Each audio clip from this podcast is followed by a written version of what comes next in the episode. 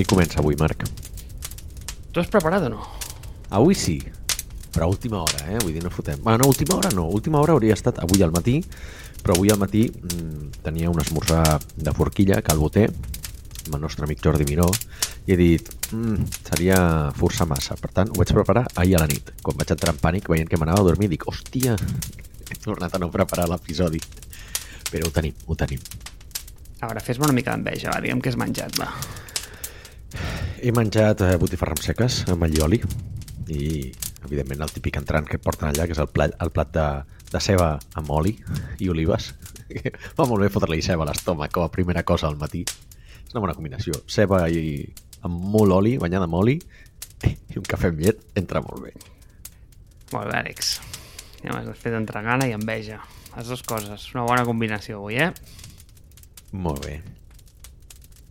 Expliquem de què va o què? Perquè avui jo igualment ho recordaré que és el que anem a fer, perquè et diré una cosa, tu que estàs en el món del podcast ho entendràs.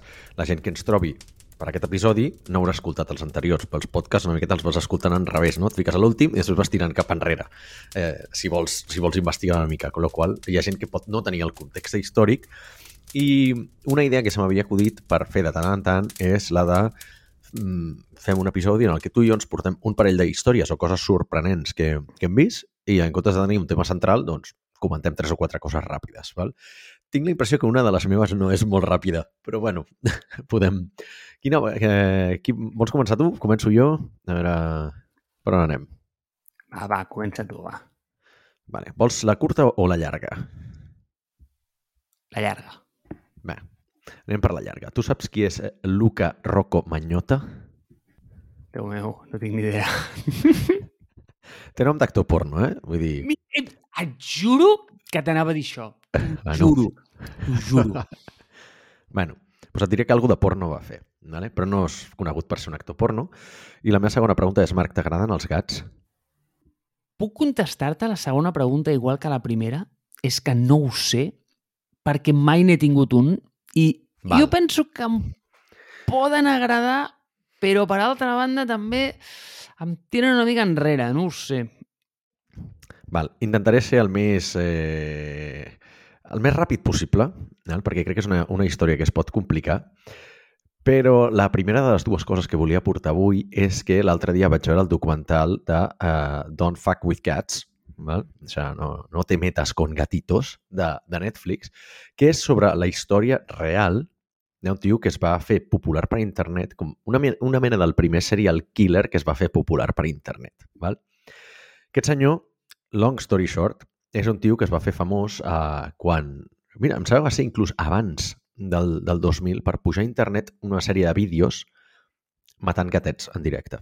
Val? O sigui, si hi ha a, amics dels, del, del meu exèrcit de Els gatets conquistaran el món, eh, serà un episodi dur per vosaltres, però eh, aquesta història m'ha donat molt que pensar. Val? T'explico per què.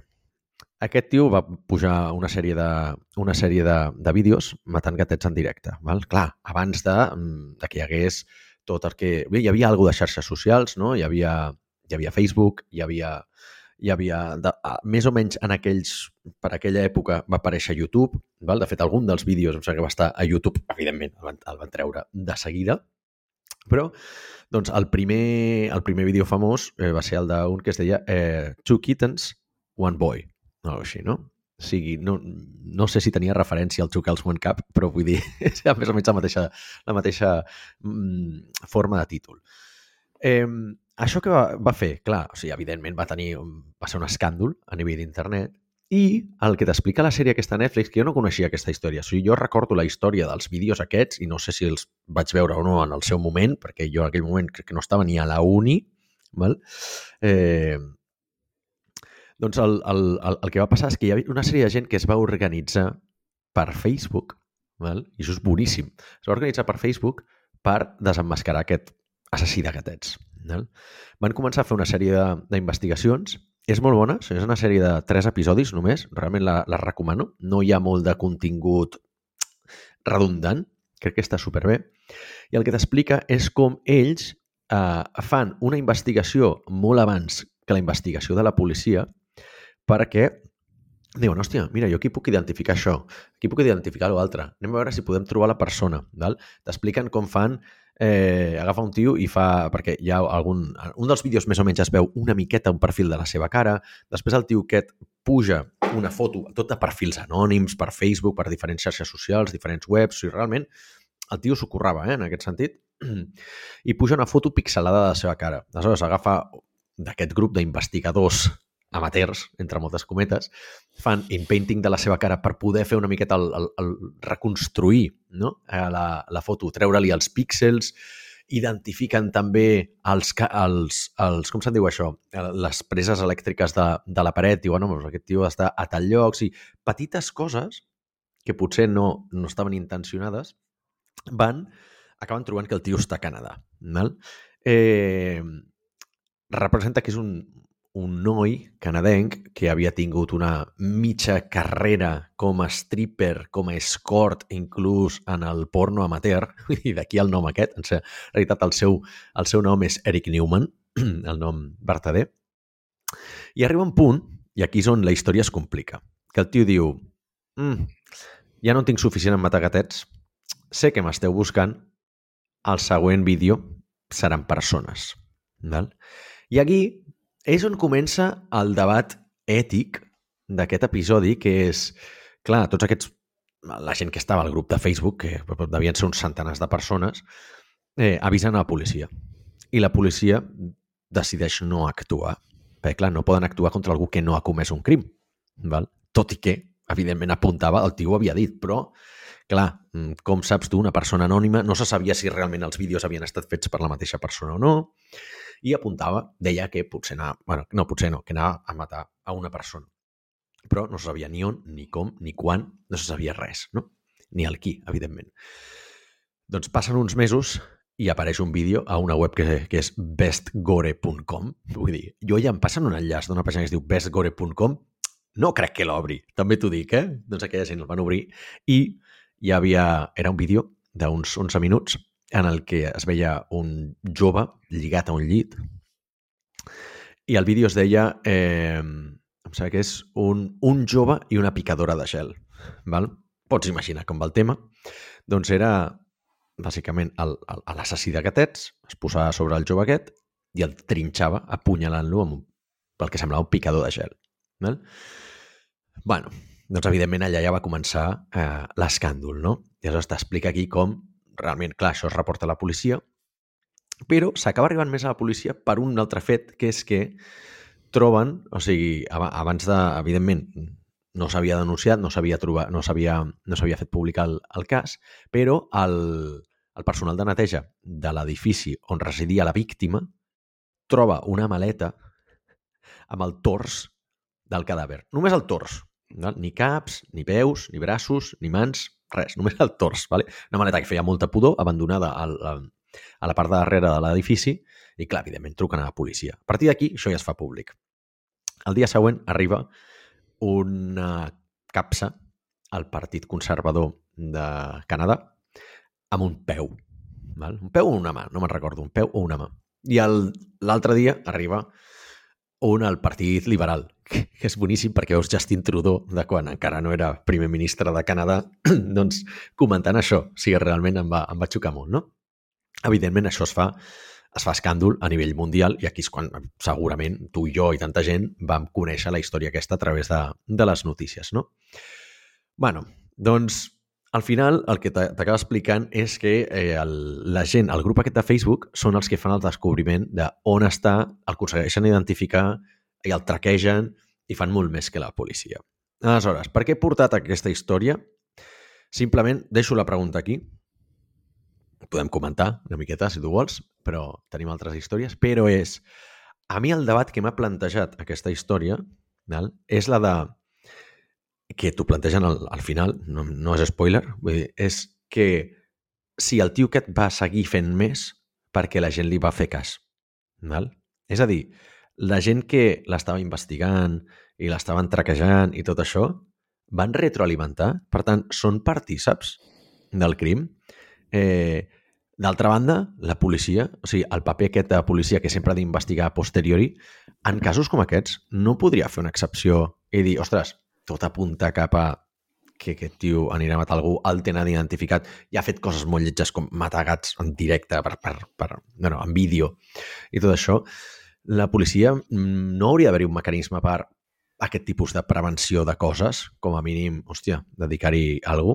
Si algú et presenta certes evidències o com una, una investigació evidentment, completament amateur, eh, d'un grup de Facebook de gent, però és veritat que tenien tot de, tot de proves, eh, tenien, eh, havien fet una recerca, jo la trobo bastant acollonant per ser gent com tu i com jo, eh? també t'ho diré. Eh, totes aquestes sèries de preguntes morals a mi m'han fet pensar molt, eh? Perquè, clar, al final acaben tota aquesta gent dient hòstia, i si nosaltres som culpables de que realment hagi matat a una persona? I si no vam insistir suficient a la policia? I si, eh, si, si simplement l'haguéssim ignorat, potser no hauria continuat i no haurien mort tants animals i no hauria mort aquella persona. I si el que hem fet és crear com el primer serial killer viralitzat, no? el primer assassí en sèrie que ho ha fet per la fama a internet internet l'ha utilitzat com si fos una, un amplificador no? del seu ego i l'únic que buscava era el reconeixement i ja està, no buscava res més. A mi m'ha deixat molts dubtes, tio. O sigui, realment ha estat una, una història que dic, uau, no m'esperava gran cosa d'aquest documental, però, però m'ha fet pensar moltíssim, eh? Vull dir, realment m'ha fet pensar moltíssim sobre les implicacions de tot el que fem a, tot el que fem a internet. Val? No t'esperaves això, no? Hòstia, tio, jo porto... O sigui, et porto una companyia de motos elèctriques, tio. O sigui, què m'estàs dient? Ja, ja. Escolta. ja. És que jo crec que això dona per, per un episodi, Ja. eh? Però... Espera, espera, espera, Vale. espera, espera. És que, o sigui, molt curiós perquè a mesura que... Bueno, abans que res, diu, ets un molt bon narrador, eh? No sé si t'ho havien dit mai, però... Val, no, però gràcies. Diu, Això ha sigut una molt bona història. Eh, de fet, mm, jo m'he anat com encongint a mesura que l'anaves explicant i, sobretot, em sembla com bastant interessant el fet de que les meves preguntes, a poc a poc, a mesura que l'anaves destapant, anaven evolucionant, d'acord? O sigui, al principi simplement em preguntava com un debat ètic de no... De dir, tio, està penat eh, matar gats? Eh, com, anaven una mica per No. aquí, no? Eh, No. i, però clar, en el moment en què la cosa es posa sèria, després ja, eh, pues bueno, pues, pues igual el, el tema de matar gats ha passat a un segon pla i ja m'era una mica igual, ¿vale? Llavors, Sí. A, mi, saps què m'ha recordat molt aquesta història? Que també hi ha un documental a Netflix, però jo recomano que es mirin altres coses d'ell. Tu coneixes a Ted Kaczynski? Ostres, em sona molt el nom. Em sona molt. Recordo perquè he sentit el seu nom aquesta setmana. Clar, The Unabomber, Ah, vale, clar, clar, sí, sí, sí. sí. ¿vale? sí. Eh, Ted Kaczynski, a mi personalment, òbviament, no pel que va fer. És, és dolent, Ja és dolent. Ho vaig Sí. mencionar. És un ídol personal, d'acord? O Sí. sigui, tio, és una persona que el seu missatge crec que s'hauria d'escoltar més. No Sí. el mitjà que va fer servir. Vale? Això no està bé, això no està bé. Però el que promulgava, les idees que promulgava eren interessants. I a mi em recorda molt el... O sigui, una cosa que és fascinant és, tio, com descobreixes aquest tio a base de imatges pixelades i intentant entendre el que hi ha a la paret. És molt bèstia, Exacte. eh? És molt bèstia. És molt bèstia el poder que tenen els grups. És a dir, una sola persona això no ho treu, però el conjunt agregat de coneixement que pot tenir un grup de persones, hòstia, tela, eh? Tela. Però, per altra banda, també és de quina manera et reveles, no? O sigui, Ted Kaczynski el van descobrir perquè deia lo, de, lo del pastís, que te'l pots menjar i fer-lo tu a la vegada, aquesta expressió americana, al revés.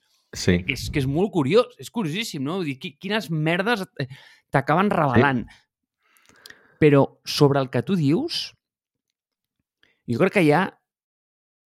O sigui, penso que el, missatge l'has enfocat exactament al lloc on el volia portar o on jo l'hagués portat, que és exactament el que tu has dit, no? És el dir, ell realment tenia aquest amplificador social encara li tira més llenya al foc? Mai millor Exacte. dit. Per foc a terra, Exacte. gràcies. Eh, exacte, o sigui, encara posa més foc a terra, no? Eh, i, I llavors, clar, la, la, la, la pregunta que et fas és i fins a quin punt això no passa amb coses molt petites també a microescala, però d'una manera constant cada dia sense parar, no? És a dir, eh, fins a quin punt no vivim en un món que està retroalimentat pel, eh, pel FOMO, eh, no, no ho sé, eh? vull dir, per persones que t'estan com emputxant socialment a fer una cosa que no tens tu cap tipus d'interès. És a dir, fins a quin punt ens importen històries ja de gent que no té res a veure amb nosaltres? Eh, són... És, és aquesta idea de que tio, ens passem la, la vida intentant impressionar a gent que no ens importa, saps? Exacte. I, de fet, eh, va, va més enllà, eh? I recomano que mireu el, el, el, el documental, però hi ha molta part de la investigació que està centrada en les pistes, que, clar, ell una mica va deixant pistes. O sigui, si no, hauria estat impossible. Algunes són accidentals, està clar, eh? Segurament la pista accidental de eh, doncs, alguna de les fotos de no, a veure, quina pista, la pista accidental, no? Pues el tema de que es vegués la presa elèctrica. És accidental, no? Però hi ha algunes que sí que són eh, pensades. Per exemple, en un dels vídeos, doncs, de fons, hi ha un pòster de Casablanca, just abans que el tio decidís marxar a París. Val? Hi ha molta història cinematogràfica. Està Hòstia. obsessionat amb Instinto Básico. Vale? Aleshores, hi ha moltes pistes que les acaben traient, o sigui, al final l'acaben traient per eh, totes les, de, o sigui, la història està basada bastant en, en Instinto Básico, que era la seva pel·li preferida. Val? És molt fort. Però, a més, saps el que més m'ha xocat? I, i, i me'n vaig recordar ahir quan hi pensava, que és que quan el van enxampar, el van enxampar en un cibercafè de Berlín al juny de 2012. Saps on era jo, el juny de 2012, Marc? Al cibercafè de Berlín. No, en aquell cibercafè no, però jo era a Berlín. Ah, vale. val? Aleshores, clar, quan vaig al documental dic, dic, hòstia, és que a mi em sona molt aquesta història. Val? I és molt curiós el poder de la casualitat. O sigui, si el van acabar enxapar... Ja més o menys se sabia que estava per, per Berlín per no sé quina història, però el poder de la casualitat. Es veu que tal qual ell entra en aquell cibercafè, vale? o un minut abans de que entri al cibercafè, per les notícies donen la, posen la seva cara, val? dient a l'assassí de gats, no sé què, que després va matar una persona, va desquarterar a Montreal, tal, tal, tal, s'ha escapat de París, estava a París, l'està perseguint la, la, la policia francesa i tal, tal, i es rumoreja que ha anat a Alemanya. Aleshores, al cap d'un minut de veure això, el tio del cibercafè, doncs li entra el pavo, no? I, i t'explica la història de, de dir, hòstia, com verifico que és ell Clar. i surt al carrer i tal qual surt al carrer, segona coincidència, passa un cotxe de policia el pare ens explica la història, que portava més un, un exèrcit de penya que estaven entrenant aquell dia, o sigui, una camioneta de policia amb 10 o 12 eh, agents novells, no? i un que els estava instruint, i entren i el detenen. O sigui que realment dues coincidències i després d'un any i mig de recerca acaben amb, amb aquest tio engarjolat i portant-lo en un avió eh, de l'exèrcit privat cap a Canadà i, i hòstia, i de moment doncs està, doncs està a la garjola des d'aleshores, de, des de 2012 a 2013. Sí. Però bueno, sí, el debat és aquest i, i jo crec que dona per, per un altre episodi. Però bueno, jo, aquí va la meva recomanació. Segur que no t'esperaves això, però què em portes tu per mi? Uau, nen, déu nhi Escolta, eh, jo eh, et, et volia comentar, re, no, pues això, mm, una, una empreseta que m'agrada molt i que, i que la volia portar aquí al programa, però que ara ja sembla com que és poca cosa. Però mira, puc acceder a una altra recomanació o no? Que tu saps sí? que jo, vamos, tu saps que jo miro poques sèries, de fet, mm, és allò de quantes vegades has estat en Nova York? Diu jo, una o ninguna, saps? Pues, pues jo igual, jo, tio, una o ninguna sèrie. Però... com, jo, com jo amb les pel·lis, miro Machete i prou. exacte, exacte. pues, la, la, mira, per, er, per error em vaig mirar una. Perquè una de les meves resolucions d'any, que jo em sembla com... Eh, seran com coses bastant estúpides, en realitat, perquè són com dates bastant arbitràries que la gent s'assigna per fer-se per donar-se encoratjament per, i, i, i sentir-se bé sobre les coses que mai ha fet durant l'any passat. Però em vaig proposar fer activitats amb la meva família i una d'elles era com... Ells miren moltes sèries i volíem mirar una sèrie amb ells, no? I jo crec que el primer que li va aparèixer a ma mare recomendado li va donar el botó, ¿vale? I és una sèrie que es diu 1899, dels creadors de Dark. Val? De què va? Perquè em sona. A veure, t'agraden les pel·lis de Christopher Nolan? No sé ni qui és Christopher Nolan, em sona que és un... Va fer una de Batman, pot ser? Déu meu. Déu meu. Àlex. Déu meu. No, no, vas bé, vas bé, vas bé, vas Ah, bé. val, val, val. Sí, sí, sí, però, però ostres, sí, tio, és un... No, no, no. Eh, és un referent, és un referent. Pues, eh, juga molt amb, amb el concepte d'espai, temps Ah, i mons sí. paral·lels, vale? I està molt bé. Si vols veure com un nugget d'aquesta idea, pots mirar-te Inception o pots mirar-te Tenet, que és més complexa. Val. Però ju- juga molt amb Val. aquesta idea. I els 1899, tio, també juga amb aquesta idea i és boníssima. I, ostres, la vaig mirar amb molt poca esperança, però amb poca esperança de dir, hòstia, mira, pues, mm, uh, has de fer l'esforç, sentar-te aquí amb la teva família, mirar una sèrie que no t'importa. I, nano, no saps com ho vaig disfrutar, tu. Co bueno, com un porc, tu, eh, rebossant-se en el fang. Eh, una passada, tio. Una sèrie super, super, super guapa, super ben feta. I, i res, són vuit episodis. Es veu que havia d'haver-hi segona temporada, però no era suficientment popular per Netflix i l'han cancel·lat. En fi, així que un, un, un, una cosa menys que he de fer. Però, però està molt bé. La, de, si vols sèries xules, tio, per, per mirar en família, te la recomano. Val, apunto. Però va, deixa'm que et parli del que et portava, que em fa il·lusió, que és, que, que és guai. I, I és un model de negoci que m'agrada molt a mi. Perquè i, i, i ara canviem de registre 180 graus, eh? perquè al final... Mm, hosti, em sap greu, però hosti, tu portaves aquí una història de suspens i, i jo et porto una companyia de motos elèctriques, saps? Però, bueno, escolta... Mm, Jo després tinc una cosa de, de Tesla, vull dir que vull dir que serà curteta, per això. Però tu has dit la llarga, tu volies la llarga, hem anat directament al contingut hardcore. Merda, haguéssim pogut començar a parlar de Tesla, veus? Bueno, així, així pues, com que no em sentia tan malament després. Vale. Perquè soc com el... Saps com el típic nen que li toca fer l'examen oral després del més empollon de la classe? Doncs pues igual, tio. Pues, mira, jo et porto Go Goro. La coneixes? No? Vale. Lògic que no la coneguis. Pues, mira, jo penso que una de les coses més maques que hi ha en els productes i les empreses no només és el producte en si, sinó és el model de negoci que, po- que porta enrere. A mi és una de les coses que m'inspiren més. És a dir, ostres, eh, penso que pensar un bon model de negoci és algo molt complex i algo molt difícil i no tothom sap fer, perquè fer un, bon produ fer un producte maco eh, a veure, és una qüestió de, de, de, de- de, disseny i, i, i és un exercici de, mira, doncs escolta, eh, va- vaig a fer algo, algo estèticament divertit o novedós o atractiu. Però, hosti, enginyeritzar un model de negoci brillant és difícil, ¿vale? i sobretot que solventi un problema. I GoGoro és com, el, per mi, el màxim exponent en el tema de mobilitat d'aquesta idea, no? És a dir, per exemple, què és aquesta empresa? És una companyia de motos elèctriques que va començar fa molts anys, això també és una bona història, i és d'un de, dels, d'un dels fundadors d'HTC, de fet. Et sona els telèfons? Sí, els telèfons, tio, jo havia tingut l'HTC, el màgic. El- És que, tio, eren molt bons telèfons de l'època, tenien un disseny industrial espectacular.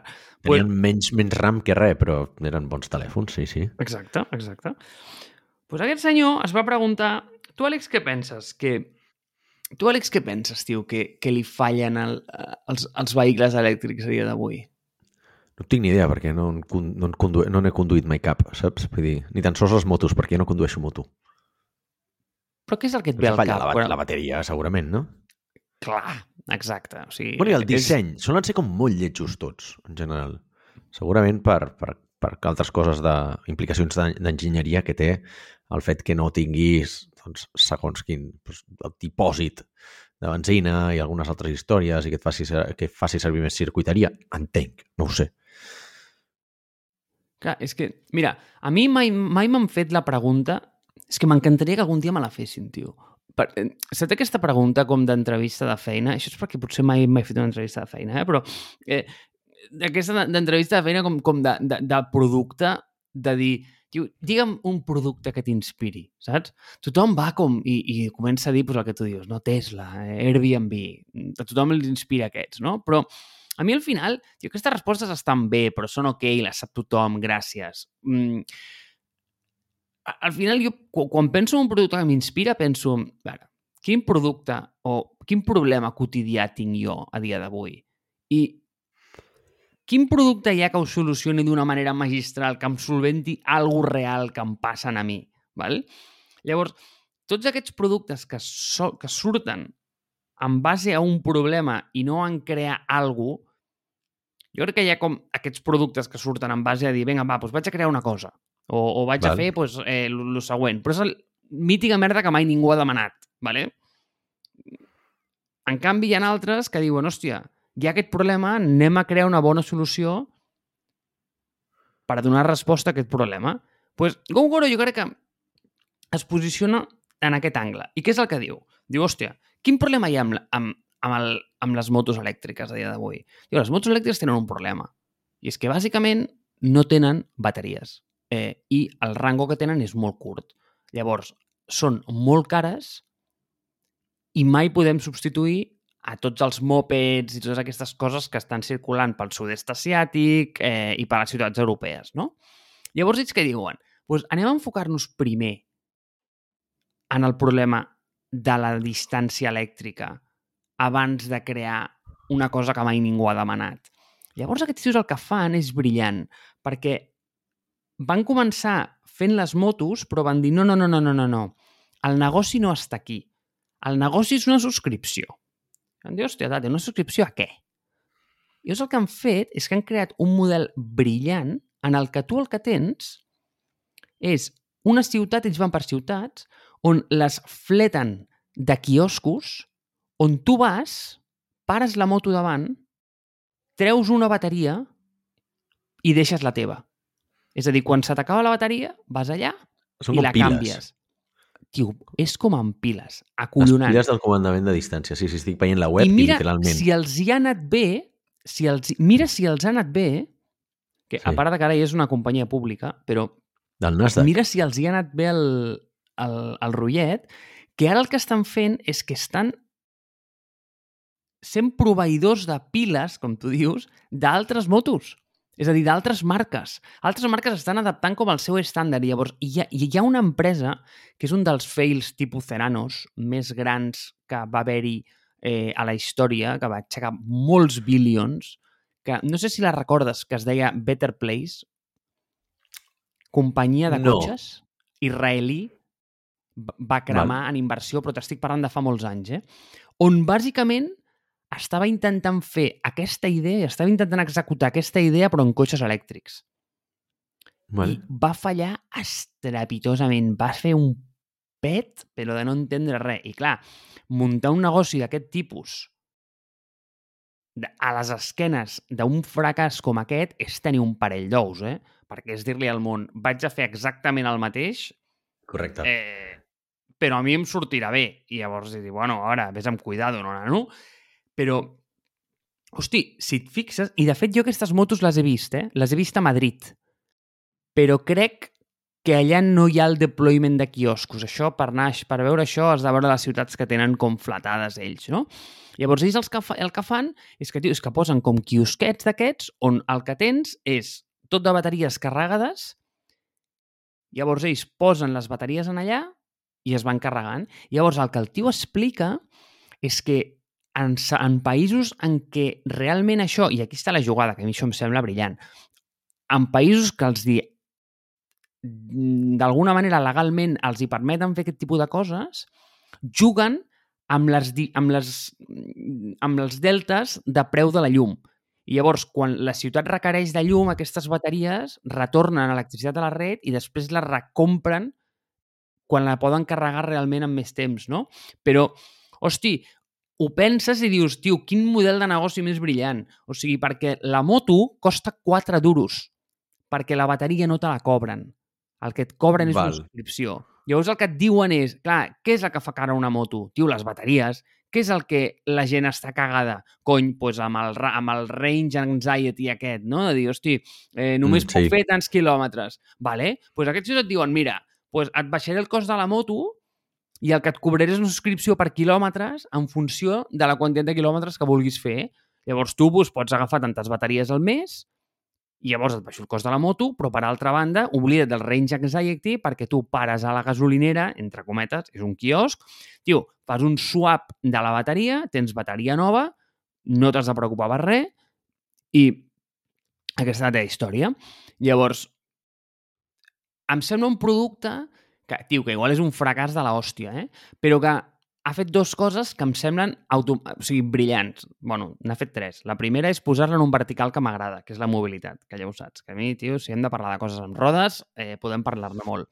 Però la, la cosa brillant que ha fet, per mi ha estat dir, vale, o sigui, el, et solvento el tema del cost, et solvento el tema del range i t'ho poso tot darrere d'un model de negoci que és preciós en el que jo et puc vendre la moto, però és que a sobre el que puc fer és que puc activar una capa de subscripció, per tant, tinc un recurring revenue, que és la hòstia, i puc llicenciar aquest model a tercers de marques, perquè fer una moto eh, té un cost molt baix i jo puc llicenciar aquest model de bateries per a altres persones. I tu, bona merda, tio, bona merda. O sigui, em sembla bé, saps? O sigui, al final, la reflexió aquí una miqueta és que l'única manera de fer la, la micromobilitat no, eh, rendible com a empresa, perquè tots sabem que totes les empreses de mobilitat perden pasta, és entrar en el B2B, no?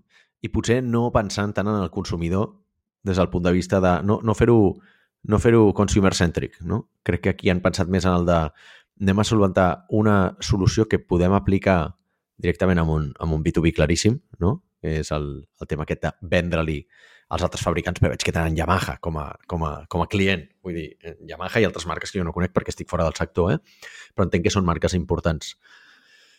I mm, que és el que Uber li va portar molts anys, molts anys, no? Sempre es va focalitzar molt al B2C i després va veure que amb els anys la gent pagava pel seu algoritme, per les seves APIs, pel seu, uh, pel seu càlcul de rutes, etc etc i tenen una línia de B2B que la gent no coneix, però bàsicament és com la que manté l'empresa més o menys a, a números propers als verds. Val? Perquè és que la micromobilitat no dona, no dona per menjar. No dona per menjar, no és eficient. Eh, I estem parlant d'Uber, que és el número 1 en aquest sector. No? O sigui, potser aquesta gent ho han fet rendible perquè han atacat el, el problema d'una altra manera. No? O sigui, M'agrada molt el concepte aquest de, la, de les piles, eh? Vull dir, de, la, de les bateries recarregables de manera instantània. I crec que, crec que està bé. Bona història. Vols que fem una altra de, de mobilitat o digues? Sí, però fixa't en aquest punt de mobilitat, perquè és que a mi hi ha una cosa que encara que és el que més m'agrada, i sí, ara anem a la teva de mobilitat, si vols, eh, però és que mantenen com els tres verticals. És a dir, ells et poden vendre una moto, d'acord? I, i, i, i, i, te la venen i tu la pots tenir com tu, però tu, a més, sí. ells són la capa que generen aquest que ells diuen Go Share, que és el seu concepte de Go Goro deployat en una ciutat com a bike sharing. És a dir, Val. no només et venen la moto i després et deployen el, el network, sinó que ells fan com partners amb ciutats directament i diuen, mira, aquí deployarem el GoShare. Eh, és bàsicament és, és com el seu vertical de mobilitat compartida. I igual això és el que vaig veure a Madrid en el seu dia. T'hauria de mirar, però és que tenen un munt de ciutats, Àlex. Un munt, tio. És una passada. Estava veient, no sé. estava veient i sud-est asiàtic no és un mercat fàcil, eh? Vull dir, molt fragmentat, molt, poc, molt poca estabilitat a nivell de business, però d'altra banda, alta densitat de població i si tu vols motos és el, el lloc adequat, eh? Vull dir, vull dir, evidentment, tothom que hagi estat a països com Indonèsia o Tailàndia sap que allà la gent es mou amb moto perquè és l'única manera de, de no patir eh, de, de, no, de no estar aturat a la, a la carretera durant 4 hores per fer un tram de 30 quilòmetres. Vull dir, les motos l'única manera de, de, de poder-te moure. Per tant, suposo que té, té sentit que hagi, que hagi sortit per allà. Va, vinga, doncs explica'm Tesla, va. Què tenim? Una, una, cosa, una cosa ràpida. Saps qui és el tio que va trencar el, el referral code de, tre, de Tesla? Ah, me'n vas parlar, oi? Ah, Sí. És que la història és molt bona, tio. La història és molt bona. A mi sempre em fascina Sí, per, per què porto això, eh? Aquesta, I aquesta història la vaig treure al podcast de My First Million, val? allà l'expliquen bastant millor, que és de...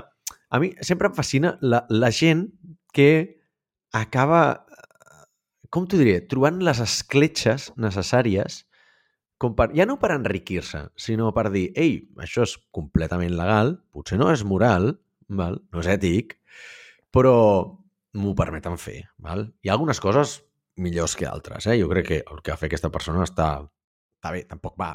No va enganyar, no va enganyar. Potser va ocultar alguna part del, de, la, de la història, val? Aquest tio és un tio que va, va aconseguir tenir un, un exèrcit de Tesles gràcies a que Tesla tenia el típic programa de referral. Val? Referral, per qui no ho coneguis, parla, és quan tu recomanes el típic enllaç d'afiliació al que tu li passes a una altra persona. Si tu fas servir Duolingo, eh, doncs pots, eh, pots convidar els teus amics amb el teu enllaç i això et dona doncs, un mes gratis de Duolingo. No? I com, contra més gent convides, doncs cada, cada amic et dona un mes gratis. És un exemple. Si ho fas amb Uber, eh, doncs cada persona que convides a Uber potser et dona 15 dòlars o 15 euros en crèdit d'Uber que tu pots fer servir. No? bueno, doncs el que, el que va fer aquest, aquest tio, que és un youtuber, és que doncs, li va flipar molt Tesla des del principi. Val? I aleshores mm, la història comença doncs, el, el, el 2008 quan comença a sentir parlar de, de, de Tesla. Però fins al 2014, no, fins al 2016 no es compra un Tesla. Val? Aleshores encara no hi havia referral program. Un tio que feia, feia vídeos a YouTube, però bueno, tampoc, tampoc, eh, tampoc era tan, tan conegudíssim. Però comença a posar, s'especialitza en posar vídeos de Tesla. Llavors la gent el comença a seguir molt per això. Total, que en una d'aquestes es compra un Tesla i posen el referral program. No? Tesla doncs, ja començava a escalar per aquella època i segurament em sembla que tenien un programa pel qual per cada cinc amics teus que es compraven un Tesla te'n donaven un. Val? Clar, què va fer aquest col·lega? Va crear uh, un enllaç per ocultar, diguem, el, o sigui, per fer una URL més bonica, diguem, amb el seu codi de referral i el va començar a posar els vídeos. Val?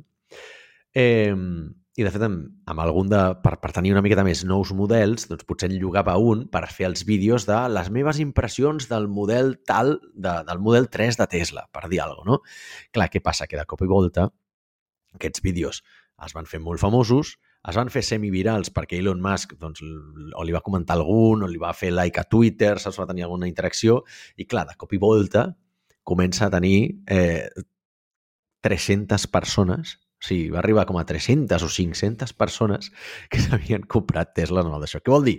Que clar, el tio es planta amb, amb, amb, amb, amb 50 cotxes de Tesla. O més, eh? Vull dir, al final va pujar més fins que ho van tallar. Ho van tallar, mira, al cap de dos... 2018, ho van tallar al cap d'any i mig, dos anys. Vull dir, probablement va ser per culpa de, per culpa seva, jo crec que directe o indirectament és un tio a fer això. També, a l'entrevista que li fan en el, el podcast de My First Million, també diu que havia fet eh, literalment desenes de milers de dòlars en crèdits d'Uber val? si no centenars de milers de dòlars. I el tio, el tio, diu, jo mai he pagat per un Uber, saps? perquè diu, diu literalment se va tinc com, com a mínim cinc xifres de crèdit d'Uber perquè el seu, el seu referral code, l'enllaç de, d'afiliació està, està por ahí, no? I ha circulat ja tant que ho va fer una web. Clar, quina, quina trampa va fer? Trampa cap, val? o sigui, trampa cap, un model lícit i les, les regles estan allà i està. Què passa? Que èticament i això s'ha descobert una miqueta més a posteriori, quan tu eh, et pots lucrar d'un programa de referral com aquest, doncs tècnicament ho hauries de dir. No? Si jo faig un contingut al meu blog i poso els meus codis d'afiliació per les eina, una eina que estic recomanant, ei, si tu t'interessa doncs jo què sé, saps? Uh, Basecamp, que és l'eina de project management que faig servir, o Trello, saps? Per la gestió de tasca, etc etc que totes, totes tenen un programa de referral, si fa no fa, ho hauries de dir, val? Hauries de ser honest i dir, escolta, que jo amb això em guanyaré uns calarons. O, o crèdit, val? No, no és que et paguin les empreses, donen crèdit, que tampoc són diners físics que tu puguis utilitzar, val? però bueno, doncs ja no estàs pagant, et, et suposa un estalvi èticament ho hauries de dir. Val? Aleshores, aquí és com la, la taca que li trobo a, a l'actuació d'aquesta persona, no?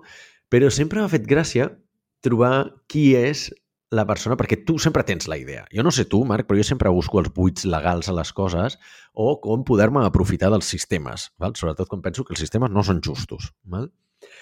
I, i bé, o no són justos o no són accessibles per mi per venir d'on vinc. I aleshores penso, dic, hòstia, si jo hagués descobert això en el seu moment, en Tesla, hauria buscat la manera de tenir un Tesla gratis.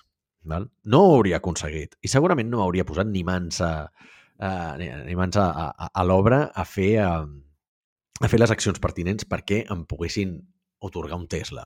Però se m'hauria acudit i me, les hauríem pescat una miqueta com per dir va, aquí, de quina manera es podria fer? Vull tenir un Tesla gratis. No? Sempre he pensat en tenir com coses gratis. I em fa gràcia llegir sobre les històries de la gent que, que ho aconsegueix. O sigui que gràcies a, gràcies a aquest senyor Tesla es va donar compte que perdia molta pasta amb aquest, amb aquest, eh, amb aquest model eh, i per tant el van discontinuar. Però el sistema de referrals és una cosa que està molt, molt, molt escampada a nivell de... Sobretot més en software, no?, que, que en hardware. I, però sempre hi ha algú que es dedicarà a explotar el, el, el, el sistema, eh? I sempre em fa molta gràcia perquè penses, des del punt de vista del disseny d'aquests programes, ho hauries de tenir en compte, però no ho tens en compte perquè generalment saps que les probabilitats de que això passi són tan baixes que el cost de cobrir-te és massa alt i prefereixes jugar-te-la i que quan passi ja, ja te'n preocuparàs, saps? No pots cobrir totes les casuístiques. És més fàcil cobrir el 80%, el 90% de les casuístiques i ja està, perquè aquell 10% que no has cobert et suposa un esforç infinitament més gran que el que has necessitat per cobrir el 90%. No? I aquí trobo que és un, que és un gran exemple i, i m'agrada molt aquest tipus d'històries. Coneixies això o no? Això coneixia per tu, perquè m'ho vas dir i ara no recordo quan. També et diré una cosa, i d'aquí ve la meva pregunta d'entrevista de feina. Àlex, posa'm l'exemple del millor moment en què tu creguis que has hackejat el sistema. Hòstia, eh, segur que en tinc, eh? Segur que en tinc. Abans he de dir que he pensat una cosa i que t'ho vaig dir a tu en privat i que crec que l'episodi anterior vam perdre l'oportunitat d'anomenar eh, l'episodi Foca Tesla. Saps? Vull dir, que quedi en acte consti en acte que se'm va acudir això, però també et diré que un dels meus superpoders inútils, sempre ho dic, és que se m'acuden les bones idees després d'haver executat ja les idees mediocres, val? I aleshores dic, merda, ja és massa tard. I vam posar, crec que vam posar un molt bon títol, el pilot automàtic de Tesla, però que foc a Tesla hauria estat boníssim. Però sóc aquella persona que quan ja s'ha anat d'una conversa pensa, hòstia, s'hauries de dir això, o se m'ha acudit una broma molt bona cinc minuts després de que ja haguem canviat de tema. Val? Quan he hackejat el sistema? Hòstia, Mira, ah, mira, vaig hackejar el sistema, però vaig ser, vaig ser honest eh, amb això. Fa un parell d'anys, eh, comprant l'entrada per un festival de música que vaig cada any a Noruega, que es diu Infernos, un festival de black metal, eh, no sé per què vaig tenir la inspiració de pensar, dic, mm, aquí em sembla que aquí hi ha alguna cosa que no està bé. Val? No sé per què ho vaig veure i vaig pensar, dic, espera, o sigui, em va semblar veure que el, que el, el preu es passava, o sigui, no estava... No, com explicar-ho d'una manera molt, no molt tècnica, val? És a dir, el valor del preu de l'entrada s'agafava directament de l'HTML i no de la base de dades. Val? Tu diràs que, potser no molt tècnica, què vol dir això? Val? Si tu vas a una pàgina web i selecciones una entrada d'un concert, val? et pinten el preu, però el preu que va a la passarel·la de pagament el va recuperar en base de dades val? i aleshores aquell valor és el que es passa a la passarel·la de pagament. Aquí estava implementat d'una manera diferent. Era, passava el, el preu que estava pintat. Si el preu era 300 corones noruegues, o no sé quina és la moneda de Noruega, però recordo que era un 300 i alguna cosa, eh, jo vaig, vaig canviar l'HTML amb l'inspector del, del Chrome i vaig posar... A zero donava error. Pots dir, què passa si poses una corona noruega, no? que em sembla que és, no sé quanta pasta és, però deu ser literalment 7 cèntims o una cosa d'aquestes. No? I va funcionar. Val? O sigui, vaig pagar menys d'un euro per una entrada de concert que igual em val 150. Val? O sigui, és un festival. En això que eh, els hi vaig passar un correu del pal. O sigui, jo en aquell moment vaig dir, bueno, saps? Vull dir, dic, com a tothom sap les tesis de, de, de, del hacker ètic, que és el de, ei, he trobat un fallo a la teva pàgina web, eh, vaig a comunicar-t'ho, els vaig escriure, els vaig dir, i m'han dit, sí, sí, és una cosa que tenim no tenim pressupost per solucionar-ho, sabem què passa, eh, gràcies per dir-nos-ho, però ja ho teníem identificat. Podia haver estat que no ho tinguessin identificat, eh? eh segurament m'haurien, jo crec que si ho tenien identificat, m'haurien escrit i m'haurien dit, ei, tio, eh, aquí ha passat alguna raro, no, aquesta entrada no és vàlida. Val? Però és la que em ve més al cap. Jo havia fet bastantes coses d'aquestes en el seu moment perquè doncs, com estic interessat en el desenvolupament des de que era jove, doncs sempre em dedico a buscar quines coses estan trencades a les, a les pàgines web i, i a les coses que faig servir. O sigui que aquesta és la que se m'acut més recent. Segurament no és la millor, però, però bueno, de tant en quant trobo coses d'aquestes. També crec que és més fàcil trobar aquests forats en països anem a dir més honestos com els nòrdics. I mira, no, no, però escolta, escolta, perquè això, això és bo, perquè eh, jo penso que aquesta gent no es planteja que un espanyol pot utilitzar el producte. És a dir, i a, a on vaig amb això? Me'n recordo que fa molt temps a la uni, i clar, això fa molts anys, eh? eh necessitaven com una espècie de paper que sabia com de comprar internet, no? I llavors valia com, em sembla que era un euro la, la còpia. I era com, a veure, o sigui, si compra un, la resta se'l fotocopia.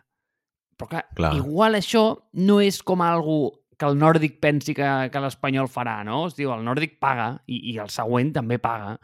Eh, en canvi, l'espanyol pensa què puc fer per no pagar, no? I, i ho sento per tirar el tòpic, eh? però vull dir, generalment els surenyos som, som una mica més... Sí. Els surenyos som una mica més, bueno, a veure si ens cau el coco de la palmera i, i avui no, no tenim que anar a, a treballar per, per menjar, saps? Mira, dono un altre exemple. Dono un altre exemple. Me'n recordo que fins fa uns anys, i ara no et sé quantificar el número d'anys, eh? però els, els peatges, que sempre he pensat que és una cosa... És una, és una cabronada i és una injustícia bestial. Val? O sigui, el benefici que entren dels peatges versus el, el que haurien d'estar cobrant, perquè el deixen molt més temps de, del que necessiten per recuperar inversió, és superinjust. Val? Llavors, fins fa uns anys, els peatges no tenien la tecnologia per validar si una targeta de crèdit o, o dèbit tenia fons com per pagar, si era vàlida. Val? Per no crear els colls d'ampolla allà, perquè una de les coses més incòmodes del planeta, Marc, quina és? Que vas a pagar un peatge, tens cotxes darrere i no funciona. Val? és, és les pitjors sensacions del planeta. I a mi m'ha passat alguna vegada. I vaig pensar, dic, com es pot fer per, pagar per no pagar peatges, bàsicament? I havia llegit per fores d'internet que els peatges tenen, eh, el que fan és simplement validar que sigui una targeta de crèdit i punto, i et deixen passar, et cobren a posteriori. No? Et cobraven a posteriori, aleshores, i crec que encara ho fan, però ara tenen algun sistema més, més sofisticat. Amb la qual una de les tàctiques era ficar una targeta de crèdit estrangera val? que no tingués fons i aleshores això podies anar a peatges per tota, per tota Espanya. Vaig estar fent servir això bastant de temps. Val? Perquè, clar, això ho notifiquen a l'empresa allà, i diuen, no sé de què m'estàs parlant, perquè no ho pagues al moment, saps? S'ha de cobrar al moment, si no, és una cosa que no és, no és lícita, no? I aleshores, això va estar funcionant durant bastant temps. Recordo que potser diria fa 5 o 6 o 7 anys, és que fa 9 que no tinc cotxe ja, eh, doncs això funcionava així saps? És dir, eh, eh, és una d'aquelles coses que no va transcendir molt, però si estaves en el, en el circuit, i et dic, jo sempre he buscat maneres de, de tenir coses gratuïtes, sobretot les que em resulten injustes. No buscaré la manera de tenir coses gratuïtes de, de les botigues, saps? Com robar, saps? Vull dir, o les màquines de vending. No, saps? Però aquesta en concret, hòstia, saps? Els peatges tinc, tinc molts, molts conflictes emocionals allà. O sigui, vas trobar com el 42, 42, 42, 42 dels peatges, no? No sé què és això, perquè és el codi per tenir què? El 42 ja sabem què és, però vull dir, però... Tio, pensava que sabies això. És com lo del no. Simpson, com lo del Nucelar. El 42-42 ah. és la targeta d'ADEP de Stripe que pots posar... Ah, vale. vale, vale, vale, vale. Pensava que era un, Val. Pensava que, pensava que era contrasenya d'alguna cosa, també que m'anaves a dir alguna cosa relacionada no, amb els peatges. tio, 42, 42, tio, és la mítica. A mi m'han arribat a preguntar si això funciona eh, de veritat, tio, no imbècil, que és per, només per test, saps? No? Sí, sí. en fi. Tens alguna altra cosa per mi, Marc, o ho deixem aquí? Ja crec que ho deixem aquí, Àlex. Tenim bones històries. 42, 42 dels peatges, tio, sí.